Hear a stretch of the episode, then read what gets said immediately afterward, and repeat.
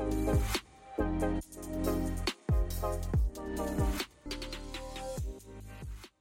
teman-teman sekalian, um, balik lagi di podcast Global Yogurt. BTW sekarang udah di episode 2 nih. Nah, untuk episode kali ini, episode kedua, uh, kita kedatangan tamu lagi nih. Again, dia nih Granti juga di tahun yang sama 2019 temennya Yona namanya Asri. Uh, BTW Asri, halo. Kedengaran nggak sih suara Halo Kak. Oh ya. Halo teman-teman. Uh, ya, sip. Oke, okay. halo teman-teman. Selamat malam. Uh, nama aku Asri Syawalia. Aku asal Pangkal Pinang, Bangka Belitung. Dan aku mahasiswa jurusan Sastra Inggris. Dan sekarang lagi menempuh semester 8 di Universitas Bangka Belitung. Dan nanti, uh, 11 hari uh, setelah ini, aku akan berangkat ke USA dan akan berkuliah di Castleton University, Vermont. Dan di sana juga aku akan kuliah di prodi yang sama yaitu sastra Inggris. Itu aja sih kak. Hmm. Oh wow, keren keren kak sih uh, btw kak uh, kan mengikuti program ini tuh pasti harus apa ya ada tahapannya kan gitu tapi aku pengen tahu nih kak, kak Asri ini tahu program tuh program ini tuh dari mana dan kapan? Uh, aku tahu program ini kebetulan dari prodi ya dari prodi itu tahu da dari tahun 2017 dan di 2017 akhir itu eh ini aku langsung cerita ya oh iya silakan silakan di, di tahun 2017 akhir, bulan November itu aku daftar buat Ugrad juga. Dan itu aku masih semester 3. Aku apply dan aku lolos tahap berkas. Aku lanjut ke wawancara, tapi di wawancaranya tuh aku gagal. Jadi uh, aku tetap follow informasi-informasi Ugrad dari sosmednya, sosmed Fulbright Indonesia atau Aminef. Dan tahun 2018 aku apply lagi. Waktu itu aku semester 5 dan alhamdulillah lolos sampai sekarang. Oh wow. Jadi ini uh, percobaan kedua dan Kak Asri ini uh, akhirnya jadi finalis ya? Iya kak, dua kali. Oh wow, keren. Jadi benar gak patah semangat. Oh ya, kan Kak Asri ini udah dua kali, pasti jadi tahu dong ya tahapan-tahapan yang harus dilakukan uh, untuk bisa mendaftar program dua banyak ini.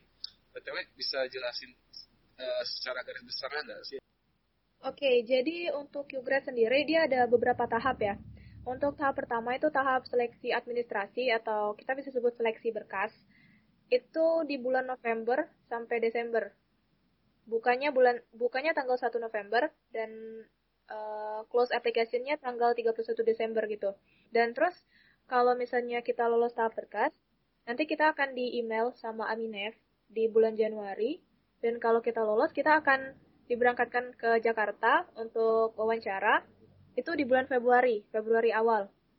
Nah, kalau misalnya uh, udah lolos tahap wawancara nih, nanti kita di email lagi sama Minef dan kita akan diberangkatkan lagi untuk TOEFL untuk tes TOEFL IBT. Nah, untuk tes TOEFL IBT itu dia di kota terdekat yang ada tempat tes TOEFL IBT-nya. Jadi kebetulan aku kemarin dapat di Jakarta karena di Pangkal Pinang sendiri nggak ada. Untuk TOEFL IBT itu bulan Maret atau bulan April. Nah, setelah tahap TOEFL IBT itu ada tahap medical check up di bulan selanjutnya yaitu bulan Mei. Nah, setelah medical check up beres, nanti kita dapat email placement kalau misalnya lolos lagi. Untuk email placement nanti kita dikasih tahu dapat di state apa, terus kita dapat di kampus apa gitu. Nanti kalau udah dapat placement, kita diberangkatin lagi tuh ke Jakarta ke kantornya Fulbright Indonesia atau Aminef untuk uh, ikut yang namanya PDO atau Pre-Departure Orientation. Nah, terus di situ juga kita bakal uh, wawancara untuk visa. Oh. Untuk visa itu kita ke kedutaan Amerika Serikat itu sekitar bulan Juli kalau nggak salah kak. Oh, okay. Nah kalau misalnya udah selesai semua, semuanya udah selesai, nanti kita akan berangkat. Itu ada dua sih, dua kemungkinan mungkin kita bisa berangkat di fall semester. Kalau untuk fall semester itu kita berangkat bulan Agustus dan untuk yang dapat spring semester itu berangkatnya bulan Januari. Itu sih kak tahap-tahapnya. Berarti Kak Sri ini didapatnya di spring ya, yang Januari? Iya. Iya. Oke, sip sip. Nah, untuk tahapan pertama pertama banget nih, itu kan Kak Sri udah mention di awal uh, berkas-berkas. Uh, dan salah satunya itu esai untuk Kak Astri sendiri tuh uh, sub submit essay juga kan ya? Iya, iya pastinya. Uh, Dan untuk uh, untuk esai itu Kak Asri, BTW kalau boleh kami yang pendengar ke podcast Global Geography tahu uh, apa sih yang kakak, kakak tulis di esai? Oke, okay, uh, aku langsung ke esai ya. Iya. Jadi untuk esai itu ada dua ya esainya. Esai yang pertama itu uh, mereka nanyain kenapa kita harus diterima. Dan otomatis kita harus kasih jawaban, kasih alasan kenapa kita harus diterima. Oh, iya, Dan untuk itu aku ada beberapa poin yang bisa aku tunjukin di esai yang pertama. Jadi untuk yang pertama, mungkin di awal-awal kita bisa muji-muji gitu ya. Muji-muji kayak spesialnya Amerika itu apa. Misalnya, sebagai contoh kalian bisa bilang kalau misalnya pendidikannya bagus nih. Dan Amerika itu multicultural gitu. Terus teknologinya bagus dan lain-lain. Dan dan uh, bukan cuma Amerika, kita juga harus ngaitin ke program UGRADE-nya. Kenapa sih harus program UGRADE? Kan ada banyak tuh program buat uh, kuliah ke Amerika. Amerika ya, nah, iya. Jadi aku bilang aja kalau misalnya program UGRAD ini sesuai sama tujuan aku bahwa aku mau ngerasain pendidikan di sana dan aku juga mau mengabdi yaitu uh, melakukan community service di sana. Oh, yeah.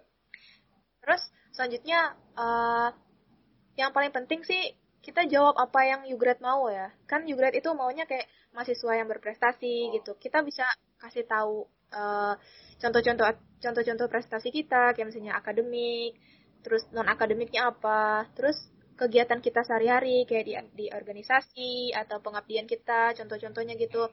Dan uh, selain itu kita juga bisa ngasih tahu kayak misalnya kegiatan kita misalnya aku join klub ini di kampus. Jadi mereka bisa lihat kalau kita tuh mahasiswa yang aktif loh bukan cuma mahasiswa yang pasif gitu. Dan kita juga kayak ngasih tahu rencana kita pulang nanti mau apa kayak kita mau ngasih dampak yang gimana ke community kita. Dan uh, catatan aku sih untuk essay yang pertama ya yeah. show them how you can benefit others through this program. Not only how this program can benefit you. Jadi okay. gimana kita bisa bermanfaat untuk orang lain. Dan kayaknya kayak yang kenapa sih kamu layak untuk program ini? Apa sih spesialnya kamu gitu? Oh. Oh wow. Jadi ini ya uh, lebih tepatnya kita tunjukin kita itu bisa apa uh, dalam hal akademik dan non akademik uh, tuangkan itu dalam essay itu ya kak ya? Sama uh, itu sih kayak kenapa sih kamu layak buat iya, program yeah, ini? Aku yeah. kemarin sempat bilang bahwa aku tuh orangnya kayak nggak gampang nyerah. Ini contoh aja ya kayak oh. mungkin beda case aku bilang bahwa aku pernah gagal UGRAD tapi aku berusaha belajar dari kesalahan aku oh, gitu. betul. dan itu sih. Iya ya jadi uh, dan itu tuh dikasih uh, misalnya kayak pernyataan-pernyataan seperti itu tuh harus dikasih juga uh, kasus nyatanya ya kayak contoh nyatanya gitu ya jadi nggak nggak kayak istilahnya omongan doang kan ya iya kak iya wow oke okay. terus nah, untuk esai yang yang kedua, kedua ya aku mau mau mau nanya tuh iya yang tema-temanya gitu kalau misalnya untuk kasus-kasus asli sendiri pilih tema yang mana Iya, sama. Kemarin itu kan ada dua pilihan ya. Yang pertama itu ada tentang leadership, hmm. sama yang kedua itu community service. Jadi aku pilih yang pertama untuk leadership. Nah, untuk leadership itu kayak mereka nanya, e, pendapat kamu leader itu yang kayak gimana sih? Terus mereka juga nanya tipe kepemimpinan kamu gimana? Misalnya kamu tegas atau kamu dekat dengan anggota atau dan lain-lain. Nah, itu kamu bisa uh, kasih tahu misalnya ya kalian jawab aja kayak misalnya pertanyaannya apa dijawab terus kasih bukti-buktinya kayak misalnya aku pernah loh gabung di organisasi ini buktinya kayak gini-gini. Dan uh, again uh, kita nggak apa-apa kok uh, ngasih tahu kayak kekurangan kita. Misalnya kemarin aku kasih tahu kekurangan aku saat memimpin itu gimana. Tapi uh, kita juga perlu kasih tahu gimana cara kita belajar dari kekurangan itu. Terus kayak misalnya uh, aku juga uh, kasih tahu ini contoh yang esai aku ya mungkin oh, iya. beda. Oh, itu, ya. Dan aku kasih tahu ke mereka bahwa leader itu bukan hanya kayak ketua organisasi tapi leader itu ketika kita mau mengabdi kita mau berbagi sebisa kita dan sehingga kita bisa uh, ngasih kebaikan dan kemajuan untuk community kita. Dan di situ artinya kita udah coba memimpin eh, orang-orang uh, untuk maju sedikit demi sedikit. Dan sometimes emang ini terkesan kayak klise atau uh, basi tapi yeah. it is okay to write this your essay dan tunjukkan kalau kamu itu orang yang positif gitu. Gak apa-apa sih menurut aku. Uh, itu sih yang bikin kadang kami yang daftar ini minder. Maksudnya kayak uh, bagusnya itu kita sombong-sombong atau uh, terendah gitu ya kan? Itu kan uh, menurut aku tuh. menurut aku nggak apa-apa sih kayak sombong-sombong tapi kayak kita ngasih contoh ngasih bukti gitu. Jadi kayak sombongnya bukan cuma ah bla bla bla tapi nggak ada buktinya gitu. Oh iya yes. benar sih benar banget. Wow itu tips yang uh, apa sangat menarik sekali. Uh, thank you banget. Oh ya selain esai itu kan memang yang paling penting kan ya harus di proofread harus uh, grammarnya benar dan segala macamnya itu. Uh, selain dua selain esai itu uh, kan uh, ada juga surat rekomendasi kan ya. Itu kalau kasus kakak sendiri gimana? Karena minta siapa dan uh, kenapa? Anggapannya kayak kenapa uh, milih si orang ini buat uh, mintain surat rekomendasi Oke, untuk surat rekomendasi mungkin ini agak unik ya. Yang pertama, emang sih aku mintanya sama dosen PA. Itu biasa karena menurut aku dosen PA itu benar-benar kenal kita. Dan kebetulan aku deket banget sama dosen PA. Jadi uh, tujuan surat rekomendasinya mungkin tercapai karena surat surat rekomendasi itu kan buat uh, promosiin kita. Nah, kalau misalnya orangnya punya kapasitas uh, buat ngena, buat kenal kapasitas bahwa mereka kenal kita ya artinya mereka bisa mempromosikan kita lebih dalam. Nah untuk yang surat rekomendasi kedua itu aku mintanya sama dekan. Tapi jujur ini nggak ditulis sama dekan. Jadi ini ditulis sama dosen aku yang lain yang lumayan deket sama aku. Tapi minta tanda tangannya sama dekan. Jadi kayak kita bikin kesepakatan gitu dan dekannya oke, okay, dosen aku oke okay, gitu. Karena kan kebetulan aku nggak deket nih sama dekan, tapi aku mau yang uh, punya jabatan gitu. Nah, jadi gitu sih cara aku ngakalinnya. um, kalau untuk si surat rekomendasi itu sendiri, kalau ke asli gimana kasusnya? Apakah sekali tulis jadi atau kayak harus diedit lagi ya di istilahnya direvisi gitu? Uh, kayaknya nggak ada revisi ya karena emang yang nulis itu emang dosennya sastra Inggris dan uh, mereka udah aku kasih info-info aku dulu. Jadi mereka nanya, Asri ada nambah uh, achievement apa gitu, ada kegiatan apa sekarang. Nah mereka nanya-nanya itu, terus udah mereka tulis dan menurut aku udah pas dan gak ada revisi. Mungkin ada ya kayak misalnya kasus gini, kita minta rekomendasi sama dosen, terus dosennya nyuruh kita nulis sendiri gitu.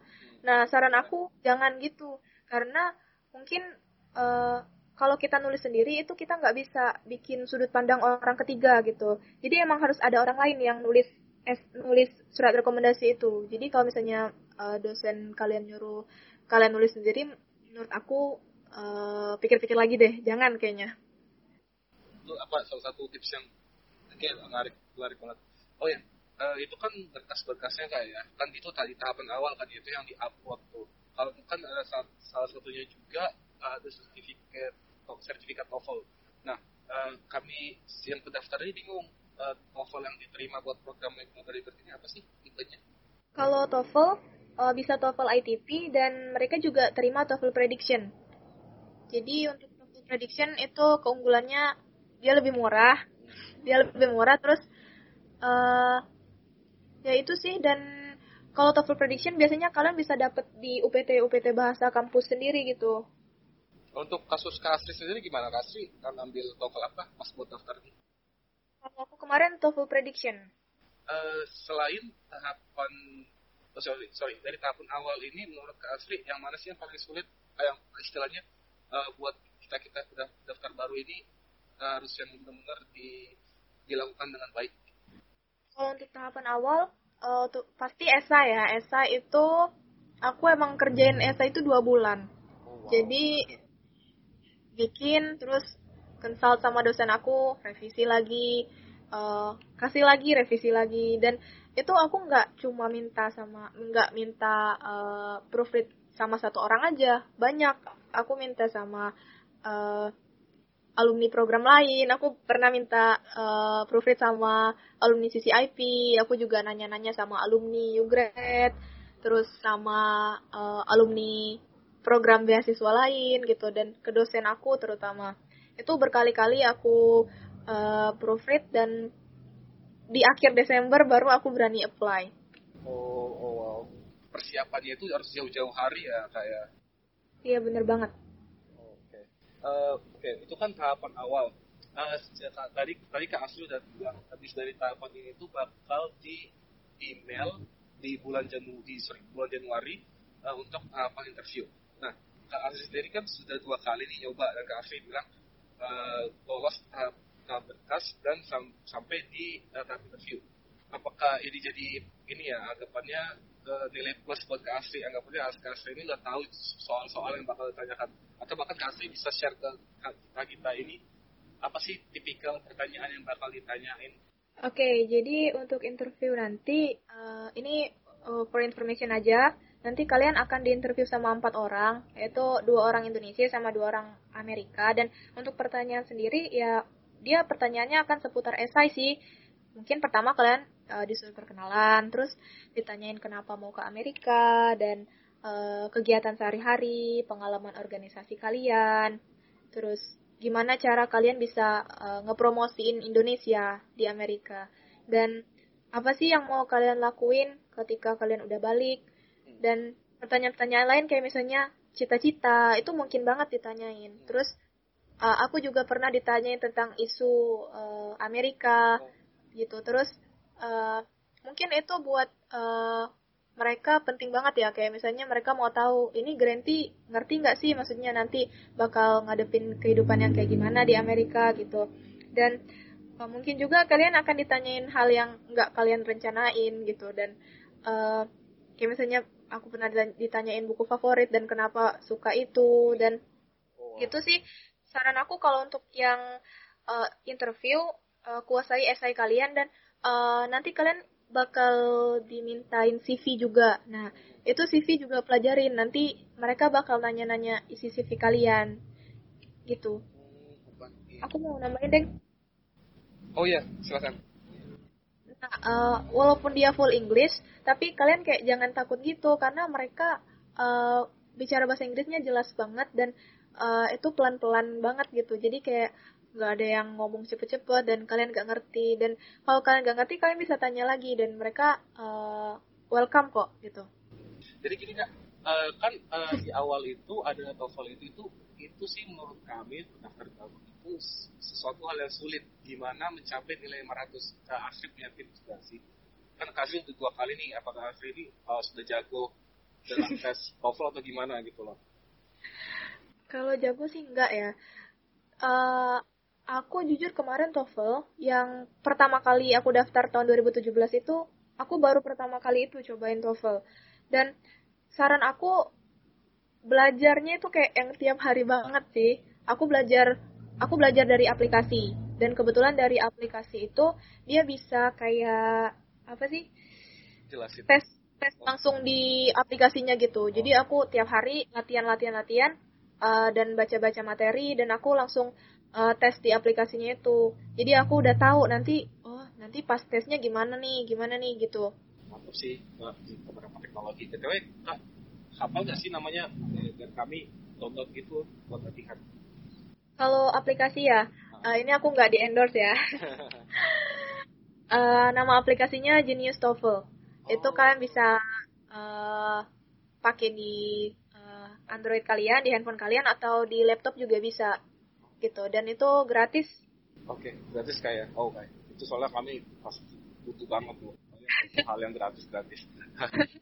Um, uh, cerita kasus sendiri gimana? Kasih nyiapin uh, nyiapin interview itu? Kalau untuk interview, uh, percaya atau enggak, aku browsing banyak banget soal interview di Google. Itu mungkin sampai ratusan ya. Itu aku belajar tiap hari, aku jawab soal-soalnya, dan aku latihan sama dosen aku.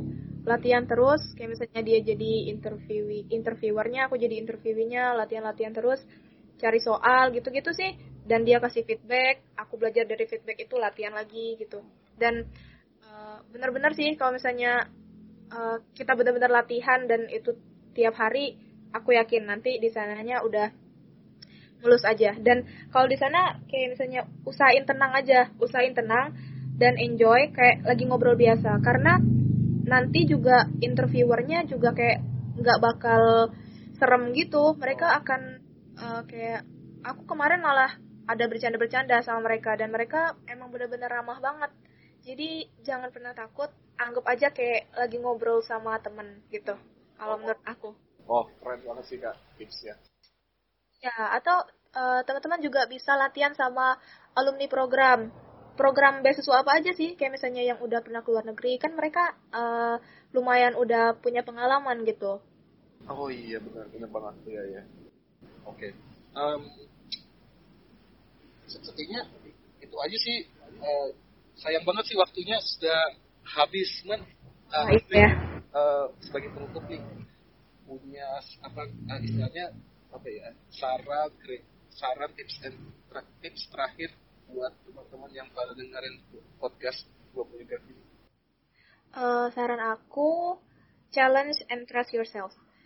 Jujur, aku dulu setelah sempat gagal satu kali, aku sempat nggak mau apply. Tapi uh, karena semangat yang dikasih teman-teman aku sama dosen aku, aku coba challenge diri sendiri. Aku coba untuk percaya diri dan aku yakin bahwa aku akan ke Amerika bagaimanapun caranya aku jaga kepercayaan itu dan aku terapkan. Dan uh, saran yang selanjutnya jangan takut buat nanya-nanya atau minta saran dari orang lain karena itu akan sangat berguna. Oh wow, keren banget sih Kak Asri. Oh ya, um, mungkin itu aja. Uh, terima kasih buat yang sudah mendengar tentu aja. Uh, see you guys next episode. Mungkin Kak Asri bakal bahas juga ya. Kan Kak Asri bakal ke Amerika nih kalau nggak salah kami yeah. bakal ada juga episode khusus buat nge-share pengalaman atau kayak first experience di Amerika betul nggak sih iya iya yeah, oke okay. oh jadi mungkin sampai itu aja see you guys next time. Bye. Bye